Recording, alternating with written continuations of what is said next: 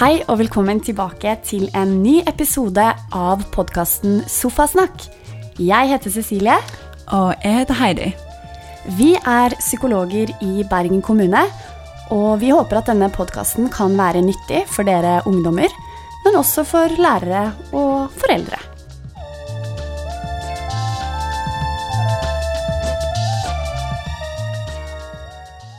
Se for deg at du står foran et vindu. Du er hjemme, og du ser utover landskapet. Du har oversikt, og du kan se hva som skjer, du kan tenke ut nye løsninger, og det føles trygt. Det gir en ganske god følelse. Vi har alle ulike vinduer. De vinduene ser forskjellige ut fra hvert hjem. Og sånn kan det være òg når vi skal se ut av vinduet, at vi har ulike utgangspunkt, og vi ser ulike ting.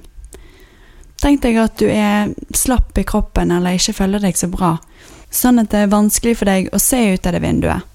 Det er kanskje ganske mørkt, og du ser få løsninger. Kanskje kan du òg føle at du har lyst til å gi opp fordi at du kommer ikke på noe, du får ikke noen nye innspill.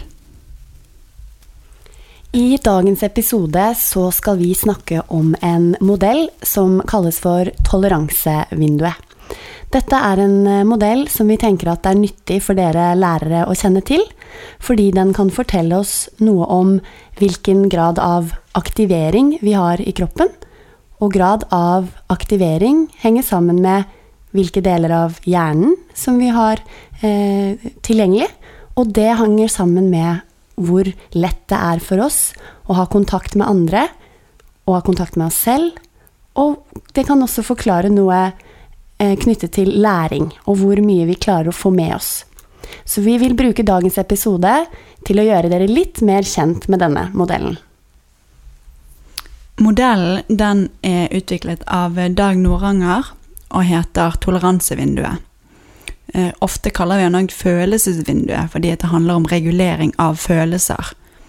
Og det vinduet jeg snakket om i introduksjonen, handler litt om det når vi er på plass i vinduet vårt, når vi har en passelig mengde med aktivering eller følelser i kroppen, der vi opplever at vi har mulighet til å fokusere og være der vi skal være.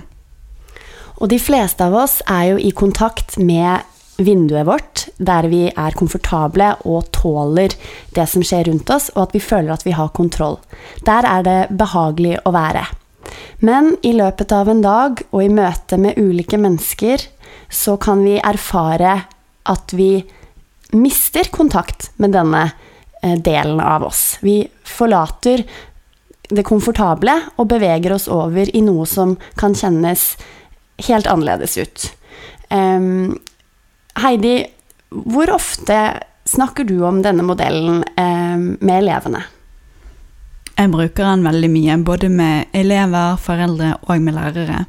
Jeg syns det er en veldig god modell for å forklare hvordan vi kan regulere følelser opp og ned, og hva vi trenger på de ulike stadiene. Det er jo egentlig en modell utviklet for å forstå hvordan traumer kan påvirke oss, men jeg syns den kan brukes til veldig mye mer. Um, og jeg syns det, det, er en god modell å tenke på fra man er spedbarn, og hvordan man trenger støtte fra foreldre til å regulere egentlig alle tilstander. Man trenger hjelp til både søvn og sult og alle, alle de små tingene som oppstår Uh, og så etter hvert når man utvikler seg og blir eldre, så trenger man mindre og mindre hjelp. Man blir mer og mer selvstendig. Men man trenger fortsatt en del støtte til regulering. Og selv voksne kan jo av og til kjenne på at det er godt å få hjelp den reguleringen fra en partner eller en venn. Og når du sier regulering og at man er, eh, kan være godt regulert, så tenker vi altså på den opplevelsen av å være i toleransevinduet, der hvor vi er komfortable og føler en form for kontroll og oversikt. Så vet vi at eh, vi har med oss ulike erfaringer som gjør at noen er eh, har lettere for å være i toleranse over lengre tid i møte med ulike utfordringer. Mens andre de kan ha erfaringer med seg eller har fortsatt en del eh, behov for støtte til å kunne få et større toleransevindu. Kan ikke du si litt mer om hva vi tenker når vi sier større toleransevindu? Det med å ha et eh, større toleransevindu handler om å tåle mer av livets svingninger. Vi kan tenke på det litt som en eh, berg-og-dal-bane der livet går opp og ned. Og hvis man har et stort vindu, så tåler man mer av de svingningene. I ungdomstiden så er det en tid der livet svinger ganske mye, og gjerne ikke ferdigutviklet. Der trenger man ganske mye hjelp fra de voksne til å trene opp gode strategier, finne gode måter å håndtere det som skjer på, for å få støtte til å utvikle sitt vindu. Og så er det hvordan kan de voksne, eller da læreren på skolen, se at eleven trenger den støtten eller den reguleringen for å komme tilbake igjen i sitt vindu? Det er viktig at læreren er oppmerksom på uh, atferd hos elevene og følger med. Fordi at vi vet at veldig mange lærere ønsker å tilby gode rammer og god støtte for at dagen skal gå fint for den enkelte og for andre. Men det vil være situasjoner hvor eleven ikke vil være tilgjengelig for beskjeder, f.eks. Typiske beskjeder om at 'nå må du følge med'. Tenk på dette, gjør dette. Ehm, dette går bra. Hvis f.eks. eleven er så aktivert, det vi kan kalle for overaktivert, altså ute av vinduet, over vinduet, så er det ganske sterke følelser i kroppen. Eh, det vi kan legge merke til, er sinne, frustrasjon, uro, mye anspenthet. Det kan være verbale eh, utsagn. Altså det kan være en eskalering i form av eh, liksom krangling. Man ser at eleven eh, kjemper veldig hardt. Eh, da vet vi noe om, at, om hjernen. At hjernen fungerer på en litt annen måte. Og disse beskjedene som egentlig er ment som gode, kan være vanskelig å registrere for ungdommen. Nå fortalte du litt om hvordan det ser ut når elevene har kommet over den følelsesvinduet eller den toleransevinduet. Men av og til er det sånn at eleven er under toleransevinduet. Og da handler det om at man har lite aktivering i kroppen eller lite energi. Eh, da kan man gjerne se at eleven er slapp. Det kan være hvis man f.eks.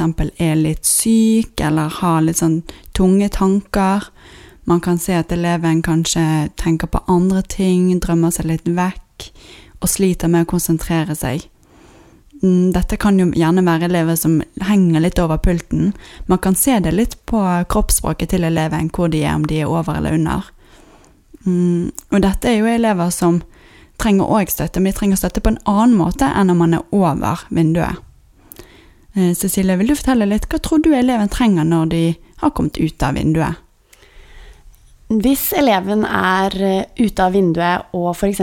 over vinduet, så er det viktig at læreren er klar over det. Det er første steget. Men når vi ser at eh, det er dette som foregår, så må vi ganske raskt eh, kjenne til hva som kan være nyttig. Og f.eks.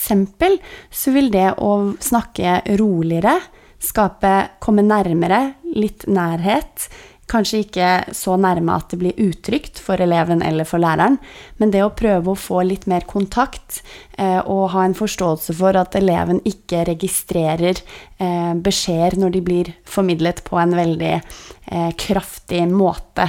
For det kan gjøre at trusselen oppleves enda større. Ungdommen er i en slags kampmodus, og da trenger de hjelp til å finne tilbake til til en tilstand hvor man blir mer trygg. Sånn at det å dempe stemmen eh, og være opptatt av å gjøre beskjedene kortere, mer tydelig For noen elever vil det å komme over i en ny situasjon, få hjelp til å komme ut av den situasjonen de er i, være veldig viktig for å komme tilbake til seg selv igjen innenfor toleranse. Mm.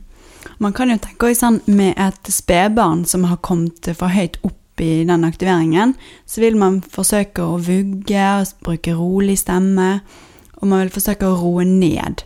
Og det er jo litt det man gjør med ungdom òg. Man vugger ikke, men man går gjerne bort og forsøker å dempe. Og hjelpe eleven til å komme tilbake igjen, ned i aktivering. Mm. Noen ungdommer forteller jo det, Heidi, at de har egne strategier når de ikke er i klasserommet. Noen bruker musikk, f.eks.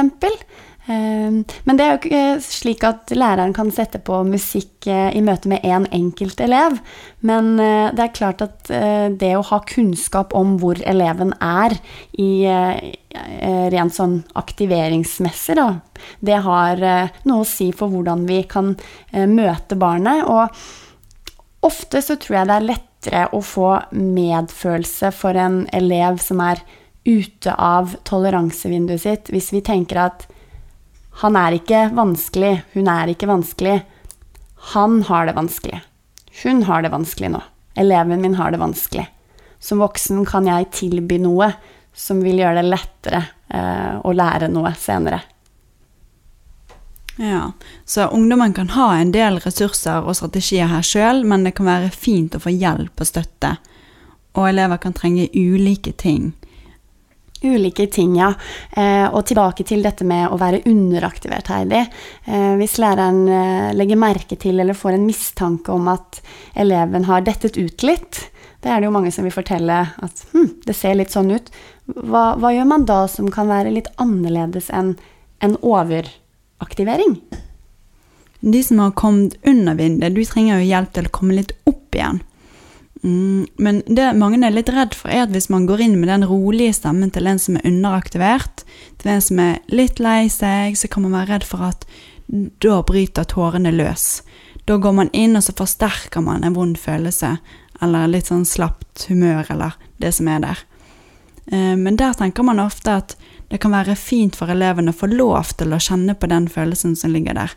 Og det å gå inn og si at 'nå ser jeg at du er litt lei deg', det kan være litt sånn forløsende for eleven å få lov til å kjenne på det. Det er et veldig viktig poeng, Heidi, nettopp det med å benevne det vi ser. Eh, det er ikke alltid det er like tydelig for oss hvilken følelse. Tristhet er kanskje lettere å registrere, men vi, vi vet altså det at det å sette ord på følelsen ovenfor ungdommen og bekrefte eller prøve å gjette oss fram til er det dette vi ser, det kan ha en regulerende effekt i seg selv. Um, det å være for redd for å sette ord på disse følelsene, det kan skape trøbbel. Og med trøbbel så mener vi det at eh, eleven kan føle seg oversett eller misforstått. Og hvis vi ønsker å være gode voksne og tilby reguleringsstøtte, hjelp til å komme tilbake til toleransen, så må vi tilby noe annet. Og det å benevne følelser, det er én strategi. Men det finnes flere. Av og til så er jo det sånn at det ikke passer å gå inn i følelsene akkurat der og da. Kanskje så er det noe annet som skal skje, eller man har ikke tid. Eller kanskje har man ikke den relasjonen med eleven der man føler seg trygg til å kunne benevne det. Da kan det være at man kan heller ta en pause, eller man kan foreslå noen nye aktiviteter. Hjelpe eleven over i noe nytt som gjør at man kan få nye tanker og ikke bli sittende der man er. Og da er det òg viktig å huske på at hvis man f.eks. sier til elevene at ok, men nå tar vi en pause, og så kan vi komme tilbake igjen til dette seinere, så er det viktig å huske på at det er den voksne som da har ansvaret for å ta opp igjen det temaet. At det ikke er eleven som skal komme til den voksne. Mm, av og til så kan man òg si at eleven kan komme til den voksne hvis den ønsker. Men det er viktig at man har en tydelig beskjed til eleven der, sånn at den ikke er usikker på om du ønsker å ha en samtale med eleven eller ikke.